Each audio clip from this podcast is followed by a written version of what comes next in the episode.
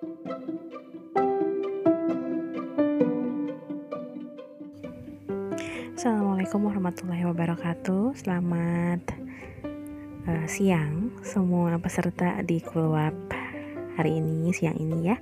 Saya ucapkan selamat datang. Saya ucapkan terima kasih sudah uh, bersedia hadir, sudah bersedia mengikuti Kulwap hari ini ya. Jadi sekali lagi saya juga ingin mengucapkan terima kasih juga untuk Azahra Wedding Organizer gitu ya yang sudah memberikan kesempatan kepada saya untuk berbagi uh, ilmu untuk sharing juga pada kesempatan kali ini.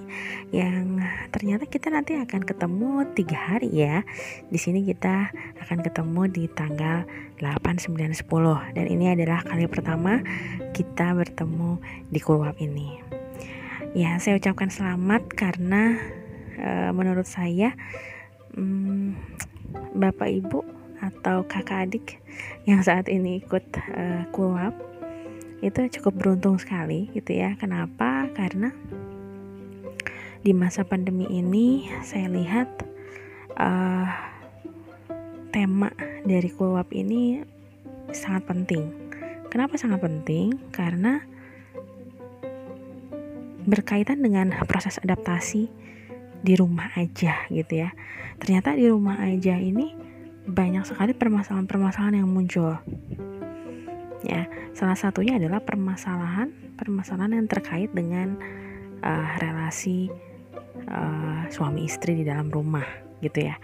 Kita di sini sudah sudah melewati um, bulan kedua dalam masa social distancing menghadapi pandemi wabah COVID-19 dan tentu saja kita belum tahu pasti sampai kapan wabah ini akan uh, berakhir ya dan ketidakpastian itu sangat menimbulkan banyak polemik, sangat menimbulkan banyak kekhawatiran, kecemasan, bahkan ketakutan, ya. Dan yang tadinya mungkin senang-senang aja karena uh, sudah bisa work from home, tapi lama-lama kok jadi bosan juga, gitu ya. Kok lama-lama uh, tidak nyaman, kok lama-lama timbul rasa cemas, kok lama-lama timbul rasa takut, gitu ya. Jadi itu semua sekarang uh, sudah sudah campur aduk sekali perasaan-perasaannya gitu. Nah, ternyata uh, sebelum kita uh, oke okay, jadi sebelum kita nanti masuk ke materi saya tadi uh, saking semangatnya lupa ya sampai belum memperkenalkan diri gitu ya. Uh, oke okay, saya perkenalkan diri kembali. Nama saya Novi Yulianti saya di sini adalah psikolog klinis. Psikolog klinis yang concern dalam bidang relasi, pernikahan, dan keluarga. Ya, kalau boleh saya cerita sedikit, kenapa sih saya sangat tertarik dengan bidang relasi, uh, pernikahan, dan keluarga? Ya, karena saya selalu berpikir bahwa seluas apa pun kita berinteraksi dengan orang di luar sana, setinggi apa pun kita meraih impian kita, kesuksesan, cita-cita, itu pasti berawal dari bagaimana kita hmm, apa namanya mampu membangun relasi yang baik di dalam keluarga ya.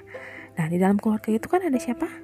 Ada ibu, ayah, ada anak-anak gitu ya. Tentunya sebelum kita merasa atau sebelum kita menganggap diri kita sukses untuk mendidik anak, sukses menjadi orang tua yang baik, uh, tentu saja kita harus memastikan dulu bahwa kita juga memiliki kehidupan relasi pernikahan yang baik ya. Kenapa? Karena banyak klien yang saya tangani itu permasalahannya seputar bagaimana mereka merasa gagal dalam mendidik anak, bagaimana mereka merasa kok saya tidak bisa menjadi ibu yang baik, tidak bisa menjadi ayah yang baik. Ternyata semua itu setelah digali berawal atau berasal dari ketidakmampuan mereka untuk membangun relasi pernikahan atau relasi uh, hubungan yang baik, hubungan yang sehat antara suami istri, begitu ya. Jadi uh, saya pikir ini adalah suatu bidang atau suatu ranah ilmu yang sangat penting untuk digali dan tentunya sangat penting untuk diedukasi. Ya, oke. Okay. Nah, nanti di tiga hari ke depan seperti yang bapak ibu kakak adik sudah lihat di posternya bahwa kita akan berbicara tentang berbagai macam hal ya. Tapi hal-hal ini tentunya adalah hal-hal yang biasa terjadi ya tentunya uh, khususnya di dalam relasi pernikahan. Oke. Okay. hmm, kita mulai aja ya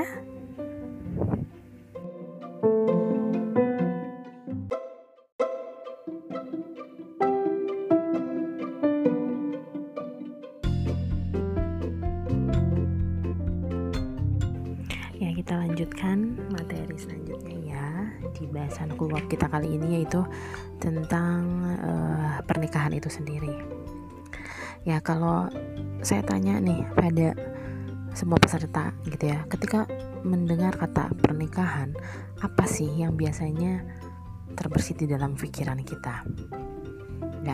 Uh, saya sudah melakukan beberapa survei kepada beberapa orang sebelum dilakukannya keluar ini uh, saya temukan beberapa jawaban ya dari survei tersebut ketika ditanya uh, apakah yang terbersit di dalam pikiran ketika diberikan satu kata pernikahan. Ternyata banyak sekali ragam komentar yang muncul. Yang pertama adalah uh, yang paling banyak ya adalah kata kebahagiaan. Ya, kemudian resepsi. Kebahagiaan, resepsi, Kemudian ternyata banyak juga orang yang menjawab dengan ketakutan atau trauma ya. Jadi tiga kata itu. Jadi yang pertama adalah kebahagiaan, yang kedua adalah resepsi, yang ketiga adalah ketakutan atau trauma. Ya, itu hasil surveinya. Uh, mungkin uh, peserta di sini ada yang sama atau tidak ya? Yang terbersit di dalam pikiran ketika mendengar kata per pernikahan, apakah ada juga yang berpikir bahwa pernikahan itu adalah kebahagiaan atau pernikahan itu adalah resepsi atau pernikahan itu adalah ketakutan atau trauma gitu ya. Nanti kita mungkin bisa diskusi lebih lanjut. E, kenapa saya tanyakan itu? Karena saya sebetulnya ingin tahu bagaimana persepsi kebanyakan orang tentang yang namanya pernikahan. Karena apa? Karena secara tidak sadar kita sebetulnya di dalam hidup kita sejak kita kecil sebetulnya kita sudah diberikan gambaran tentang apa itu pernikahan. Percaya nggak? Ah, masa sih bu? Masa sih anak kecil udah dikasih gambaran pernikahan? Itu kan nggak boleh, ya. Gambaran pernikahan itu hanya untuk orang dewasa. Jangankan gambaran pernikahan. Kita ngomongin pacaran aja ke anak kecil nggak boleh gitu ya. Yakin anda berpikir seperti itu? Coba ingat-ingat kembali ya. Ingat-ingat kembali ketika kita dulu kecil ya. Dulu kita kecil kita mungkin sering dihadapkan pada cerita-cerita fiksi. Ada yang masih ingat cerita Cinderella atau Cinderella Story? Ada yang masih ingat cerita Aladin dan Putri Yasmin?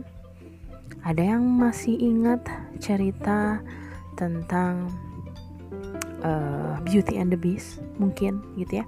Kalau di cerita rakyatnya apa ya? Cerita rakyatnya ya. Ada nggak nih kira-kira uh, apa ya, yang cerita yang di dalam negeri cerita Indonesia yang menceritakan tentang pernikahan. Bahkan ketika kita mendapatkan cerita atau mendapatkan kisah Nabi Adam alaihissalam dan Hawa itu kita sudah mulai tergambar tentang relasi ya kalau misalnya waktu kecil kita sering sekali diceritakan tentang ya Cinderella itu hmm, adalah seorang gadis miskin yang menikah dengan pangeran kaya raya.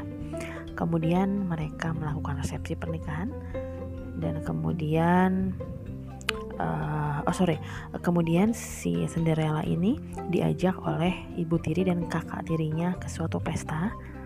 Akhirnya dia dengan pakaian lusuhnya itu bisa eh, tiba-tiba seketika berubah menjadi pakaian gaun yang bagus kemudian memakai sepatu kaca dan kalau lebih dari jam 12 sepatu kacanya itu atau pakaian bagusnya itu gaunnya itu akan berubah menjadi baju lusuh lagi gitu ya itu kan yang dulu kita ingat ya kemudian uh, akhirnya si Cinderella ini apa menikah dengan pangeran Nah, itu waktu kita kecil. Waktu kita kecil kita sudah disuguhkan dengan uh, apa?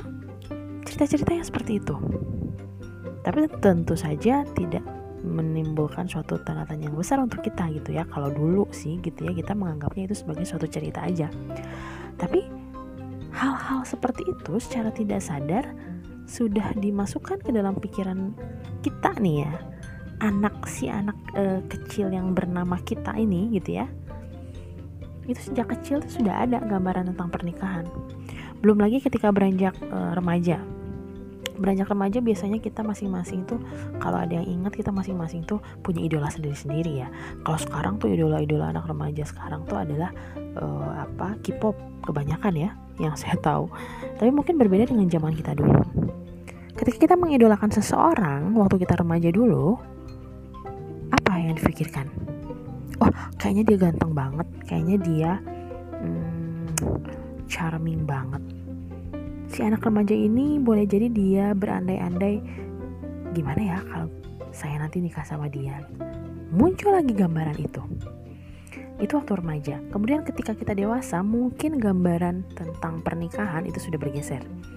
Yang tadinya mungkin ketika uh, apa remaja itu kita menggebu-gebu mengidolakan seseorang uh, karena misalnya dia uh, bisa nyanyi, dia bisa dance, dia bisa uh, apa namanya, dia ganteng, dia tampan dan sebagainya gitu ya. Tapi ketika kita dewasa standar-standar itu, standar kebahagiaan dalam pernikahan itu sudah bergeser.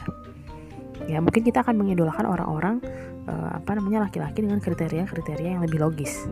Ya, misalnya apa?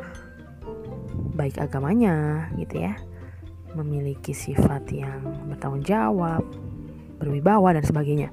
Nah, tapi yang saya sampaikan itu maksudnya bahwa sebetulnya dari kecil kita sudah ditanamkan yang namanya gambaran tentang relasi pernikahan. Sehingga tadi ketika saya tanya kepada beberapa orang melalui survei, mereka ada yang menjawab tadi ya, kebahagiaan, ketakutan maupun persepsi. Ya, karena persepsi seseorang itu tergambar dari informasi-informasi apa yang dia dapat. Gitu. Orang yang menjawab pernikahan sebagai suatu kebahagiaan, mungkin dia melihat pernikahan itu sebagai suatu yang membahagiakan, ya entah pernikahan siapa pun. Tapi yang paling dekat adalah pernikahan kedua orang tuanya. Ada yang mm, apa namanya bilang bahwa pernikahan itu membuat saya takut, membuat saya trauma. Apa yang membuat dia trauma? siapa pernikahan siapa yang dia lihat itu sebagai suatu ketakutan gitu ya jadi itu dulu ternyata gambaran pernikahan di dalam diri kita masing-masing itu berbeda-beda dan secara tidak sadar selama hidup kita, sepanjang hidup kita kita sudah banyak ditanamkan tentang gambaran pernikahan. Begitu. Baik,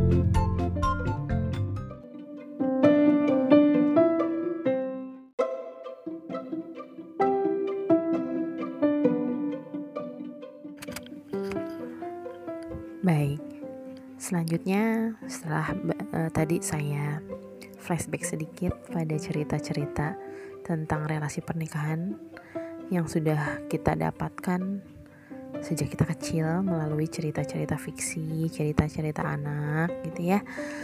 Uh, selanjutnya saya ingin sedikit membuka wawasan untuk semua juga mengenai pernikahan dalam perspektif psikologi ya.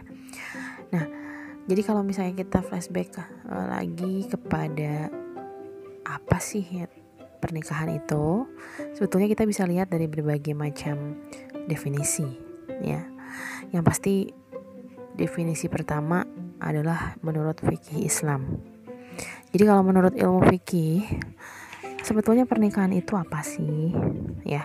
Oke, jadi Menurut uh, atau dalam ilmu fikih Islam, kata nikah itu berasal dari bahasa Arab yang artinya nakaha, yang artinya menggabungkan, mengumpulkan atau menjodohkan.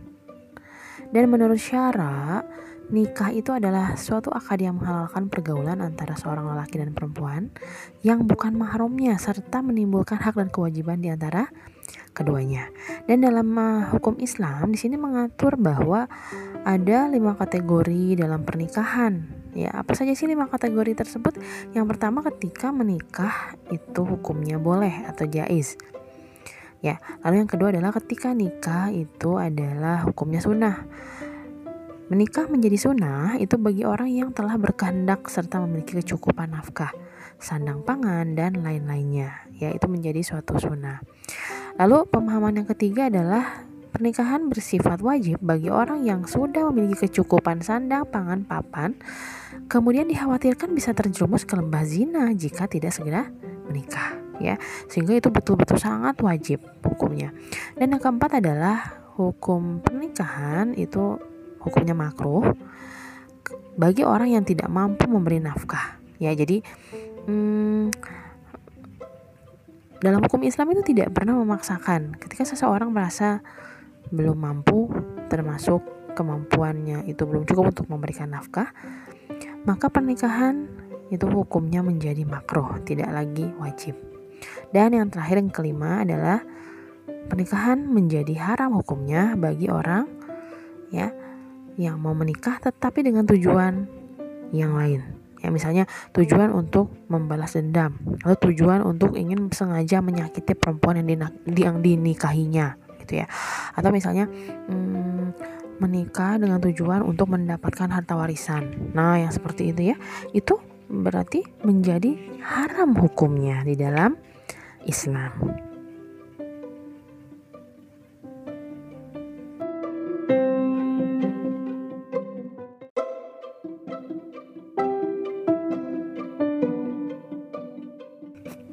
Sedangkan menurut ilmu psikologi atau dalam ranah psikologi pernikahan yang khususnya melihat uh, pernikahan dari tahap perkembangan dewasa ya yaitu dewasa muda. Ada nih yang namanya seorang ahli psikologi perkembangan yang bernama Harlock atau John Harlock. Uh, John Harlock ini mendefinisikan bahwa pernikahan merupakan suatu periode individu belajar Belajar apa? Belajar hidup bersama sebagai suami istri yang membentuk suatu keluarga dan membesarkan anak-anak serta mengelola sebuah rumah tangga. Jadi tugas ini dapat dilalui dan diselesaikan dengan baik serta membawa kebahagiaan bagi individu tersebut. Tapi menurut uh, Harlock, menurut uh, tokoh psikologi perkembangan, bahwa ketika seseorang masuk kepada masa dewasa awal, ya masa dewasa awal itu mulai dari usia 18 sampai 40 tahun, ya. Di usia itu, walaupun memang hmm, keinginan untuk menikah itu sudah cocok, sudah sesuai, sudah sesuai dengan tahap perkembangannya, tetapi ketika menghadapinya atau menjalaninya itu tidak mudah. Tidak mudah dilalui oleh pasangan suami istri. Karena apa? Karena banyak hal yang harus dihadapi setelah menikah. Antara lain adalah misalnya adaptasi uh, apa namanya dari segi psikis gitu ya. Di mana mungkin sebelum menikah individu ini bisa bebas untuk mengekspresikan diri dalam bentuk bermain gitu ya. Bermain itu maksudnya uh, apa? tidak terikat oleh kewajiban-kewajiban suami istri, kemudian tidak perlu mengelola diri, tidak perlu uh, dengan uh, apa namanya kemampuan pengelolaan waktu, pengelolaan uang. Oh ternyata ketika sudah masuk ke dalam uh, kehidupan pernikahan itu semua adalah skill-skill atau kemampuan-kemampuan yang mesti dimiliki. Dan inilah yang disebut uh, bahwa pernikahan itu tidak mudah untuk dilalui gitu ya. Karena di dalamnya harus ada yang namanya pengelolaan keuangan rumah tangga pengelolaan emosi bagaimana membina komunikasi yang baik dengan keluarga. Dan keluarga itu bukan hanya keluarga inti saja kita dengan suami tapi juga dengan keluarga yang ada di luar diri kita.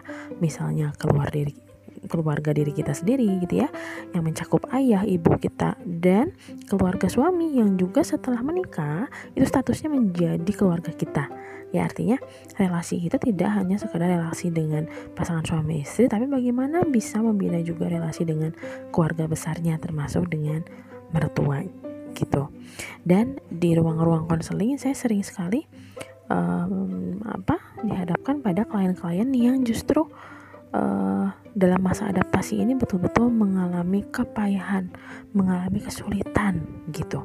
Sehingga uh, betul seperti yang disebutkan oleh John Harlock tadi ya ahli psikologi perkembangan bahwa proses adaptasi, proses penyesuaian diri untuk perkawinan ini sangat rentan sekali menimbulkan konflik. Padahal konflik itu adalah hal yang sangat wajar dan perlu dimiliki dalam pernikahan. Namun, jika dalam masa adaptasi konflik ini muncul terus-menerus, maka ini akan menjadi sulit, ya. Sulit dalam hal apa? Sulit dalam hal men mendorong kedua belah pihak, yaitu suami dan istri untuk dapat bertumbuh, ya. Bertumbuh itu apa? Ya, jadi lebih baik dalam hal pola pikir, sikap, emosi, dan sebagainya. Tapi sebaliknya, jika dalam proses adaptasi ini penuh dengan konflik dan konfliknya tidak diselesaikan atau selalu dihindari, maka ini akan menyebabkan ketidaksiapan mental dari suami istri dalam menghadapi masalah serta pemecahan masalahnya. Dan akhirnya mereka bisa terjerumus pada relasi pernikahan yang tidak sehat.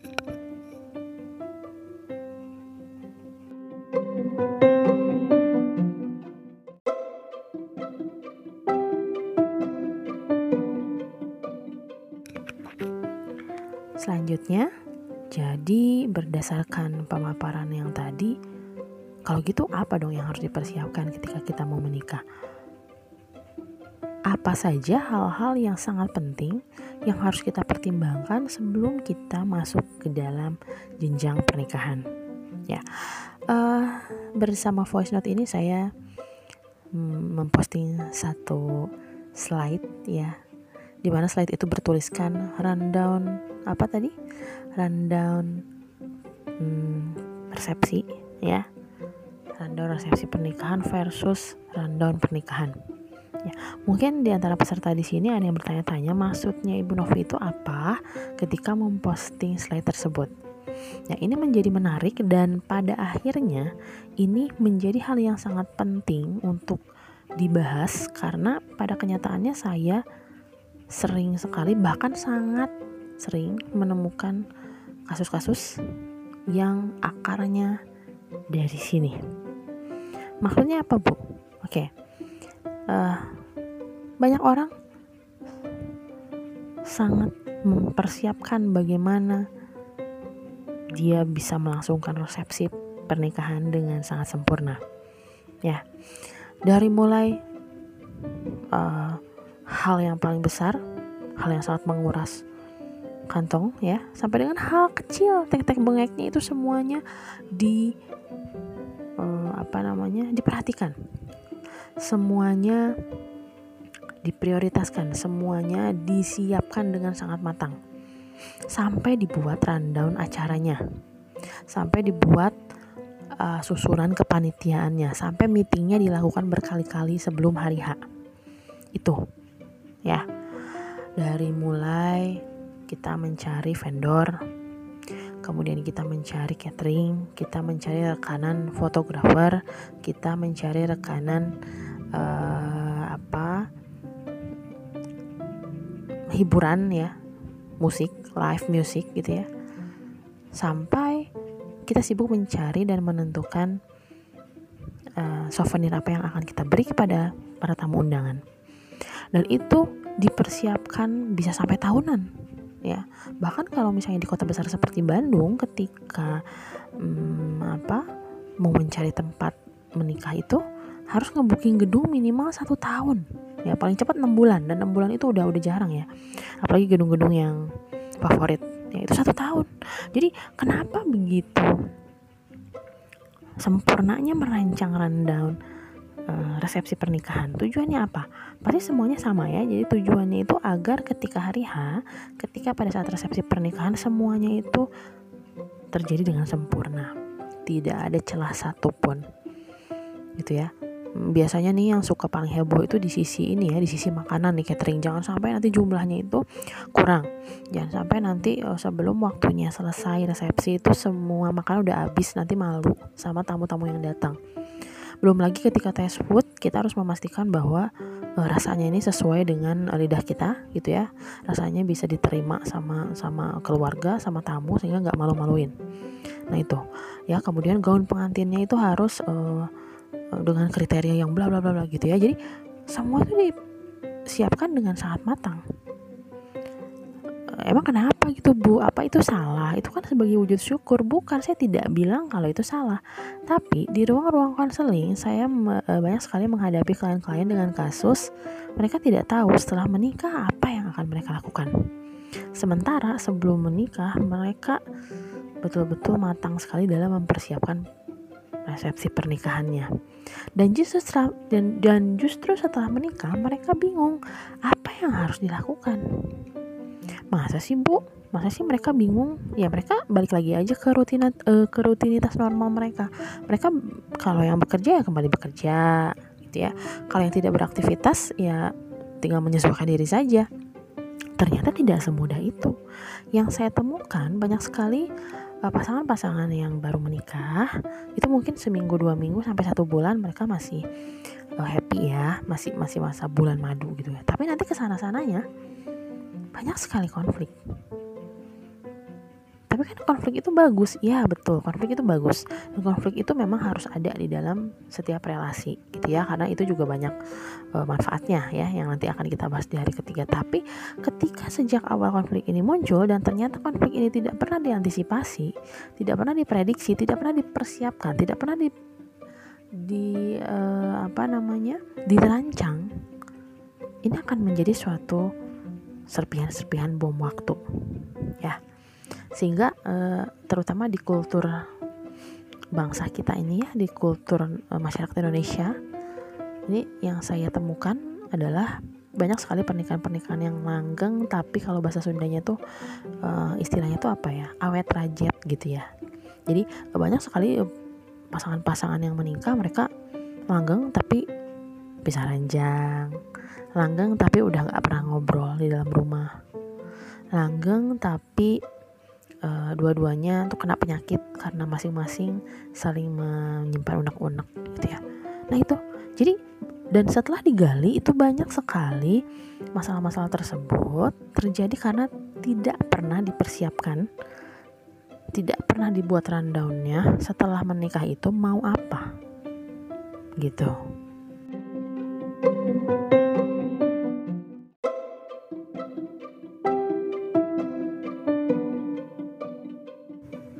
Kenapa sih ketika kita mempersiapkan pernikahan, hal yang paling penting adalah kita tahu dulu tentang diri kita sendiri. Ya, jawabannya adalah karena ketika kita belum memastikan relasi kita baik dengan orang, tentunya kita juga harus berdamai dulu dengan diri sendiri. Caranya seperti apa? Minimal kita tahu kelebihan dan kekurangan kita. Ya, kadang-kadang nih di saat uh, apa terjadi masalah dalam pernikahan, terjadi masalah dalam pernikahan, uh, istri atau suami itu ternyata sibuk untuk menyalahkan orang lain, melihat kekurangan orang lain dan menuntut kelebihan dari orang lain. Padahal biasanya ketika saya tanyakan lagi kepada salah satu pasangan tersebut, kenapa harus menuntut kelebihan uh, pada diri pasangan? Apakah kelebihan itu juga sudah dimiliki oleh diri sendiri atau belum? Dan ternyata sangat mencengangkan sekali bahwa jawaban mereka itu betul-betul mereka tidak tahu sebetulnya kelebihan dan kekurangan diri mereka sendiri. Sehingga sebelum menuntut kelebihan pasangan, kita harus tahu dulu. Ketika kita menuntut kelebihan pasangan, kita sendiri bisa atau enggak? Kita sendiri bisa atau tidak memenuhi standar itu? Jangan-jangan selama ini konflik-konflik yang terjadi, permasalahan-permasalahan yang terjadi di dalam rumah tangga kita terjadi karena standar yang terlalu ideal. Standar kita yang terlalu tinggi yang kita uh, tuntut dari pasangan kita. Ya, sehingga Kemampuan untuk mengenali diri itu sangat penting untuk dimiliki. Kalau tadi caranya seperti apa? Coba gali kelebihan dan kekurangan diri kita itu apa. Ya, kemudian yang kedua kenali emosi diri kita. Hmm, emosi itu tidak hanya sekedar marah saja, tapi bahagia, senang itu juga emosi. Sehingga kita coba identifikasi nih, apa sih yang bikin kita marah, apa yang bikin kita sedih, dan apa sih yang bisa bikin kita bahagia ya. Nah, itu semua digali sehingga kita makin tahu tentang diri kita sendiri. Ya, setelah kita uh, setelah kita tahu tentang diri sendiri, kita upayakan berlatih untuk mencintai dulu diri sendiri. Ya, uh, jadi sebelum kita mencintai orang lain, kita coba untuk mencintai dulu diri kita sendiri. Jadi uh, coba nih sebelum kita betul-betul ingin menyerahkan diri kita kepada suami kita nanti ya eh, secara lahir dan batin tapi kita nggak punya kecintaan terhadap diri sendiri nanti kita terseok-seok dalam menghadapi uh, apa perjalanan pernikahan ini.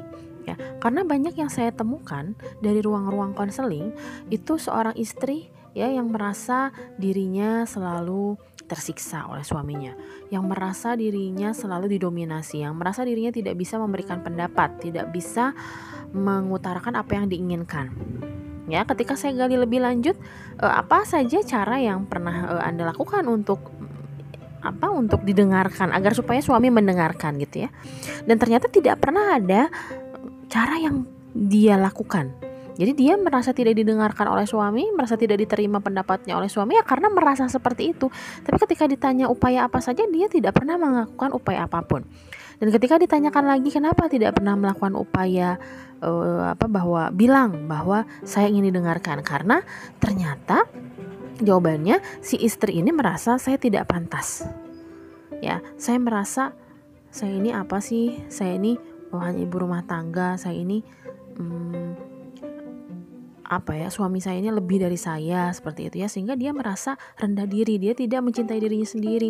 Dan akhirnya orang-orang yang tidak mencintai dirinya sendiri ini akan sulit sekali untuk uh, menghadapi konflik-konflik yang nantinya mungkin akan dihadapi.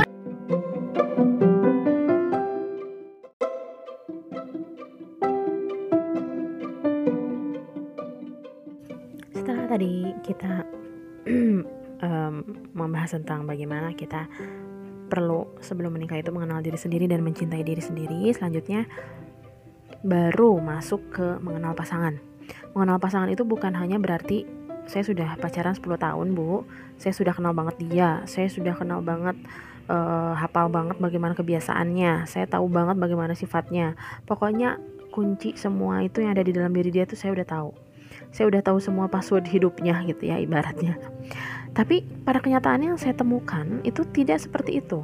Bahkan banyak kasus-kasus ya di mana mereka berpacaran itu uh, eh, 8 tahun tapi nikah hanya 8 bulan.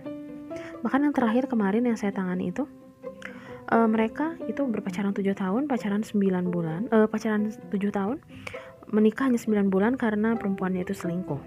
Ya. Uh, jadi memang bagaimana atau berapa lama waktu untuk penjajakan gitu ya? Artinya tidak menentukan uh, apakah dia sudah betul-betul mengenali pasangannya atau belum ya. Karena mungkin selama mereka menjalin hubungan selama itu mereka melakukan sesuatu yang justru tidak menyasar pada hal-hal yang paling krusial ya uh, di diri pasangannya gitu. Karena yang namanya orang pacaran yang namanya orang penjajakan itu mereka pasti akan menampilkan sesuatu yang terbaik dari dirinya untuk pasangan gitu ya. Jadi biasanya hal-hal yang buruk justru akan ya justru akan diredam, justru akan disimpan dan akhirnya yang ditunjukkan adalah topeng. Nah, jadi gimana caranya kita untuk dapat menggali, mengenali lebih jauh tentang pasangan? boleh nanti sebelum uh, perencanaan pernikahan gitu ya atau dalam proses ta'aruf saling ber, ber, ber, berdiskusi saling bicara tentang uh, hal yang pertama hal yang pertama itu apa coba tanyakan gambaran dia tentang pernikahan itu seperti apa ya uh, ketika uh, membayangkan pernikahan itu nanti maunya pernikahan yang seperti apa? Maunya rumah tangga yang seperti apa gitu.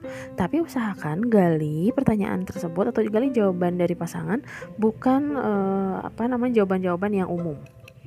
Bukan jawaban-jawaban yang misalnya kamu mau nanti rumah tangganya seperti apa? Oke ma saya mau nanti rumah tangga tuh yang mm, langgeng yang sakinah wa mawadah warahmah bukan seperti itu gitu ya. Karena itu masih bersifat umum. Harus digali rumah tangga yang langgeng itu yang seperti apa? Gitu rumah tangga yang rumah tangga yang membahagiakan itu seperti apa gitu ya? Harus sampai detail sekali. Lalu selanjutnya adalah kita tanya juga gitu ya kepada pasangan oke nanti kita akan menikah. Kalau misalnya nanti kita sudah menikah kamu maunya saya jadi istri yang seperti apa? Ya e, kamu maunya nanti saya kalau di rumah itu ngapain nah itu hal-hal seperti itu sampai teknis-teknisnya itu perlu ditanyakan kepada calon pasangan. Demikian juga laki-laki gitu ya. tanya kepada calon istrinya kamu nanti kalau misalnya kita mau menikah kamu maunya saya jadi suami yang seperti apa itu jadi betul-betul kita tahu kita punya gambaran sejak awal bahwa pasangan saya ini gambaran tentang pernikahannya itu seperti apa harapannya dia itu sama saya seperti apa gitu ya. Karena hal ini penting. Karena apa? Karena banyak saya temukan di ruang-ruang konseling orang-orang yang konsultasi bahkan orang-orang yang dalam proses mediasi menjelang perceraian ya. Itu uh, kasus-kasusnya sebetulnya penyebabnya sepele. Tapi ya tadi penyebabnya adalah salah se apa namanya masing-masing dari mereka tidak tahu betul apa harapan yang diinginkan dari kedua belah pihak dari suami istri ini.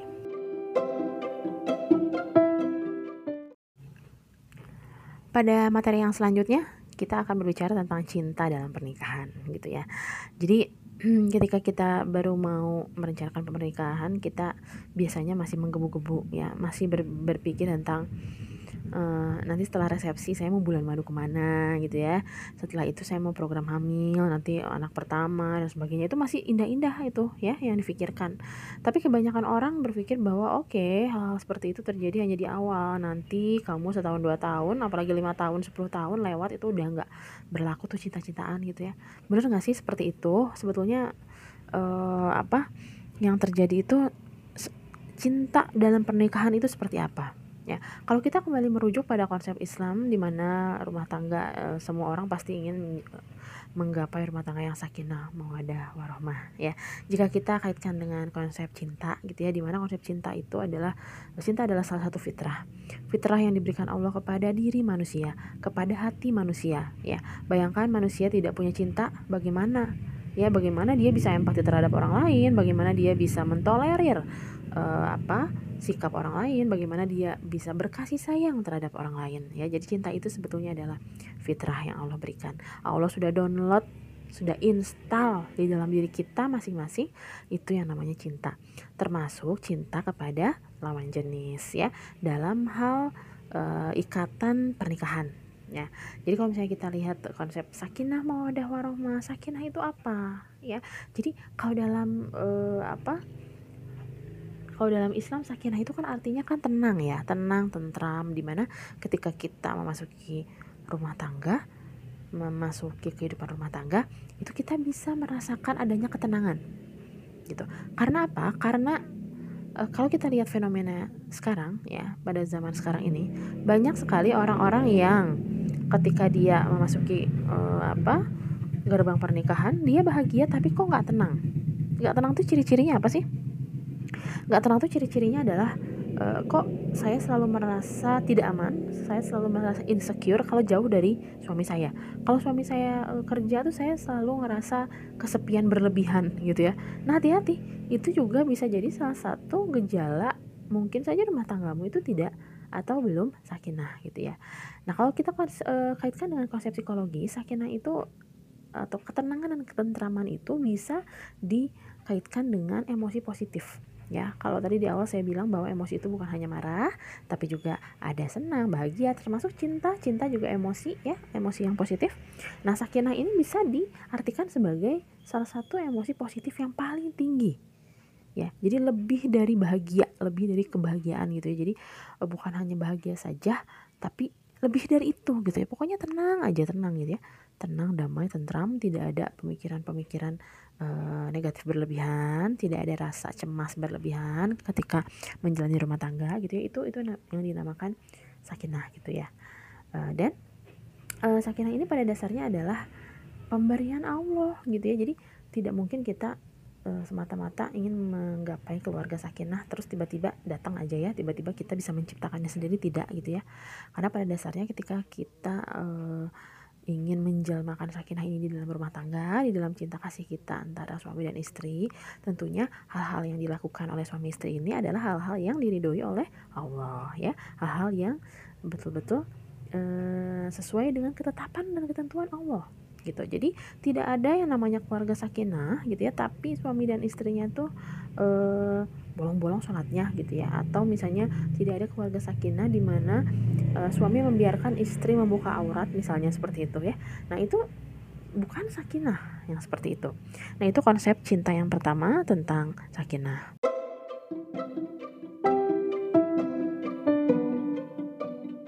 Lalu konsep cinta yang kedua yaitu uh, yang kedua dan ketiga ya saya gabungkan yaitu konsep mawadah dan warohmah gitu ya. Kalau mawadah itu artinya adalah uh, ketertarikan antara sepasang suami dan istri ya berdasarkan fisiknya gitu. Berdasarkan fisiknya itu bagaimana? Ya, yang seperti kita ketahui uh, kita tidak bisa memungkiri juga gitu ya bahwa ketika kita memilih pasangan hidup itu tentu saja kita memiliki pertimbangan-pertimbangan. Kalau Rasulullah SAW bersabda bahwa ketika kita ingin atau ketika mencari wanita carilah uh, atas empat perkara katanya ya. Yang pertama adalah apa? Yang pertama adalah uh, nasabnya, keturunannya gitu ya, kemudian hartanya, parasnya dan ahlaknya. Ya, jadi eh, ternyata ketertarikan fisik atau ciri fisik juga disabdakan oleh uh, Nabi besar Rasulullah, Nabi besar Muhammad SAW sebagai salah satu kriteria, gitu ya. Sehingga di dalam konsep cinta mawadah ini, uh, ketertarikan fisik itu juga menjadi bagian dari cinta dalam pernikahan.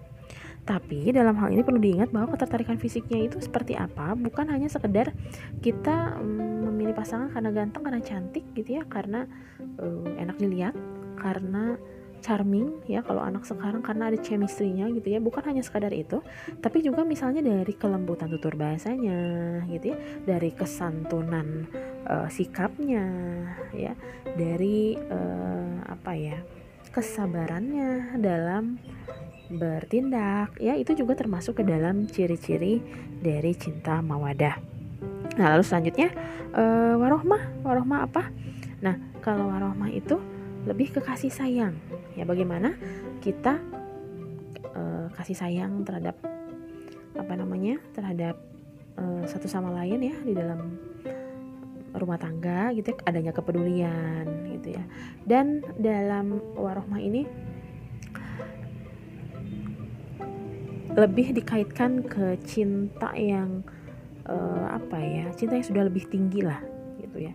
Lebih ke cinta persahabatan gitu ya. Jadi dalam kita membangun rumah tangga juga kita tidak melulu harus atau kita tidak melulu uh, ada apa ya cinta yang menggebu-gebu gitu. Kalau di awal kan ketika membangun rumah tangga ketika baru aja menikah itu tentu masih masih ini ya masih uh, menggebu-gebu sekali gitu ya. Tapi misalnya di usia pernikahan uh, tahunan gitu ya lima tahun 10 tahun itu cintanya tuh sudah sudah berubah cinta persahabatan gitu ya yang yang, yang tidak mungkin menyakiti gitu kan. Kita kalau misalnya ibaratnya me, menganggap sahabat atau memperlakukan sahabat itu kita nggak mungkin menyakiti dia kan ya karena dia tuh sahabat kita gitu ya. Nah ini juga sama gitu.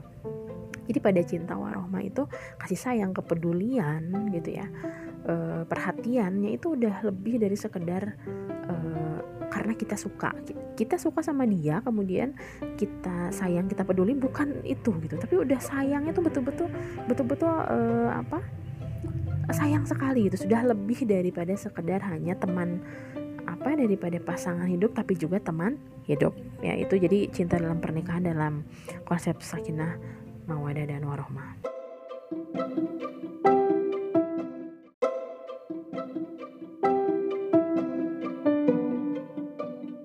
Materi kita yang terakhir dalam sesi kulwap yang pertama ini adalah tentang uh, pilar keluarga atau pilar rumah tangga yang harmonis dan tangguh itu yang seperti apa ya. Jadi uh, baik calon pengantin, pengantin baru maupun pengantin lama ini harus tahu gitu ya. Kalaupun misalnya sudah uh, termasuk pengantin lama lalu baru tahu gimana bu? Ya nggak masalah gitu ya. Kita uh, tahu tentang ilmu tidak ada batasannya gitu ya. Sehingga ketika sekarang baru tahu ya silahkan langsung menerapkannya pada rumah tangga masing-masing. Jadi seperti slide yang sudah saya uh, berikan barusan di atas ya bahwa uh, ada beberapa pilar atau beberapa pondasi um, yang menentukan bagaimana rumah tangga itu bisa um, berjalan harmonis dan tangguh. Ya yang pertama itu apa? Ya yang pertama adalah uh, unsur di mana kita bisa uh, menjaga satu sama lain di dalam rumah tangga dalam hal religiositas atau yang pertama adalah spiritual well-being. Ya, jadi spiritual well-being itu adalah bagaimana kita bisa uh, sejahtera ya dalam hal spiritual. Nah, dalam hal ini adalah ketika masing-masing suami dan istri itu bisa saling mengingatkan di dalam kebaikan. Ya, kalau tadi konsep cinta sakinah mawaddah warahmah, berarti spiritual well-being ini hmm, bisa terlaksana menuju keluarga sakinah mawaddah warahmah sesuai dengan ketetapan dan ketentuan uh, peraturan peraturan dari Allah gitu kan. Nah, kemudian uh, yang kedua ya adalah uh, komitmen komitmen tentunya ini sudah dimunculkan uh, ketika awal sejak akan nikah ya. Tentu saja seperti itu. Tapi komitmen yang seperti apa? Ya apakah hanya cukup dari akad nikah saja kemudian kita menganggap bahwa rumah tangga kita sudah cukup berkomitmen? Oh ternyata belum ya. Kenapa belum? Ternyata komitmen-komitmen itu tidak hanya sekadar komitmen ketika hmm, apa akan nikah saja tetapi komitmen-komitmen yang lain juga yang harus dibangun setelah akad nikah itu sendiri. Misalnya komitmen untuk misalnya uh, saling menghargai nilai masing-masing. Nilai itu apa? Nilai itu adalah prinsip masing-masing. Itu juga sama komitmen gitu ya. Karena banyak sekali permasalahan-permasalahan rumah tangga yang saya temukan konflik itu sering terjadi karena satu sama lain tidak mau saling menghargai prinsip-prinsip yang dimilikinya gitu ya. Jadi salah satu pasangan itu selalu menganggap bahwa prinsip pasangan yang lain adalah prinsip yang salah yang benar itu prinsip saya gitu ya. Nah ketika ini terjadi maka ini akan selalu menghadirkan konflik yang sulit untuk diselesaikan dan e, kemungkinan besar akan menjadi bom waktu. Jadi suatu hari itu bisa meledak gitu ya dengan sangat tidak beraturan itu komitmen. Lalu komitmen apa lagi? Komitmen uh, tentunya berbeda-beda. Komitmen yang ada di satu keluarga dengan keluarga yang lain gitu ya. Komitmen tadi ya menjaga prinsip-prinsip dari satu sama lain. Kemudian komitmen apa lagi? Kemudian komitmen ketika uh, komitmen dalam pengasuhan anak gitu ya. Ada satu keluarga atau satu um, apa namanya di dalam satu rumah tangga itu mereka berprinsip bahwa anak-anak tidak bisa atau tidak mau diasuh oleh orang lain ya. Jadi tidak mau ada pembantu tidak mau ada babysitter gitu jadi itu prinsip itu eh, prinsip atau komitmen dalam pengasuhan anak gitu ya. Kemudian eh, reward dan punishmentnya seperti apa dalam pengasuhan itu juga termasuk komitmen gitu. Nah, jadi ternyata komitmen-komitmen ini juga harus uh, disepakati dan ini menjadi salah satu dari pilar ya atau fondasi untuk membangun keluarga yang tangguh dan rumah tangga yang harmonis.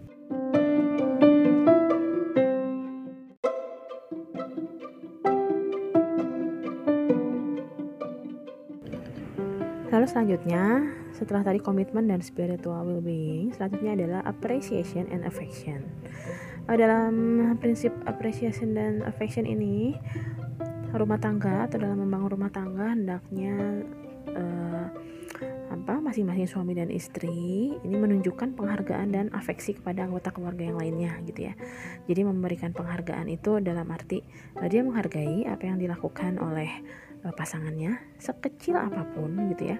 Kemudian tidak tidak uh, tidak mengkritik berlebihan gitu ya. Kemudian membangun affection, membangun uh, rasa saling empati, merasa uh, membangun rasa saling apa mm, menyayangi gitu ya. Nah, karena pada dasarnya setiap uh, individu ini kebutuhan emosionalnya berbeda-beda ya. Ada salah satu tokoh yang namanya Capman ini dia e, berbicara bahwa ternyata pada diri setiap individu ini ada lima tipe di mana seseorang ini merasa, merasa bahwa dirinya disayangi atau berharga di mata orang lain. Jadi ternyata konsep keberhargaan diri konsep disayangi ya. Pada setiap orang itu berbeda-beda ya. Ada orang yang dia merasa disayanginya kalau dia dikasih hadiah gitu ya. Oh ketika suami saya ngasih hadiah artinya uh, dia sayang sama saya gitu ya. Tapi ada lagi misalnya pasangan yang lain menganggap uh, hadiah itu bukan tanda kasih sayang tapi hadiah uh, itu ya udah biasa aja dilakuin gitu ya. Jadi saya atau misalnya orang itu lebih menganggap bahwa ketika saya merasa disayangi oleh suami berarti suami saya harus menemani saya ke mana pun gitu ya. Nah itu berbeda-beda. Jadi kebutuhannya itu berbeda-beda. Nah itu biasa disebut dengan uh, kode cinta ya atau bahasa cinta pasangan gitu ya. Nanti di sesi 2 ya besok kita akan membahas tentang ini lebih lanjut ya tentang kode cinta pasangan ini atau five love language. Dan nanti juga sebelum dibahas akan ada uh, assessmentnya dulu ya akan ada pemeriksaannya dulu gitu ya. E, nanti setiap orang bisa mencoba melalui link yang akan diberikan di akhir gitu ya. Sehingga setiap orang nanti akan tahu oh ternyata saya ini e, merasa disayangi kalau kalau apa sih gitu ya. Dan ini juga bisa dipraktekkan kepada pasangan sehingga kita tahu oh ternyata suami saya atau istri saya itu dia akan merasa disayangi dia akan merasa dicintai dihargai itu kalau kita melakukan apa buat dia gitu ya Oke, selanjutnya adalah enjoyable time together. Artinya ketika pasangan ini menghabiskan waktu bersama gitu ya. Uh, yang perlu diingat bahwa tidak semua pernikahan ini mungkin uh, ada di dalam satu rumah yang sama gitu ya.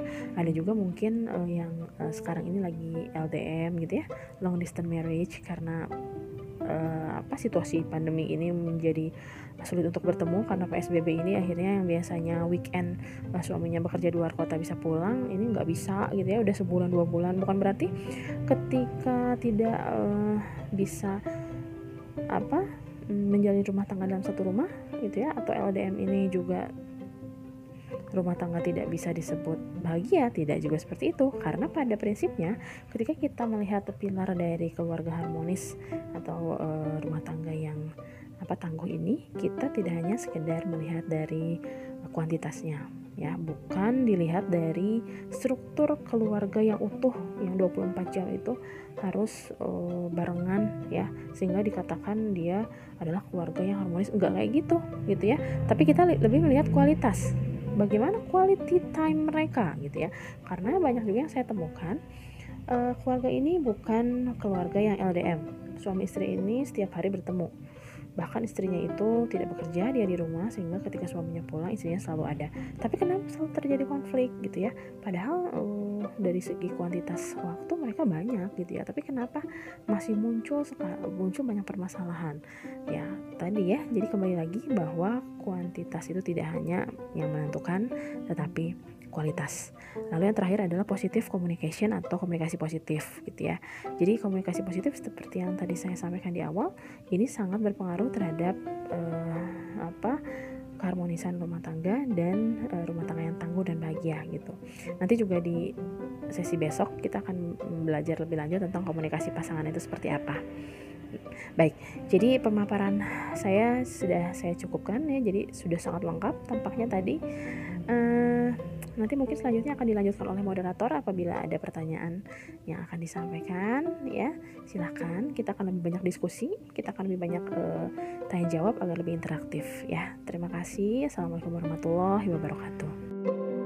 thank you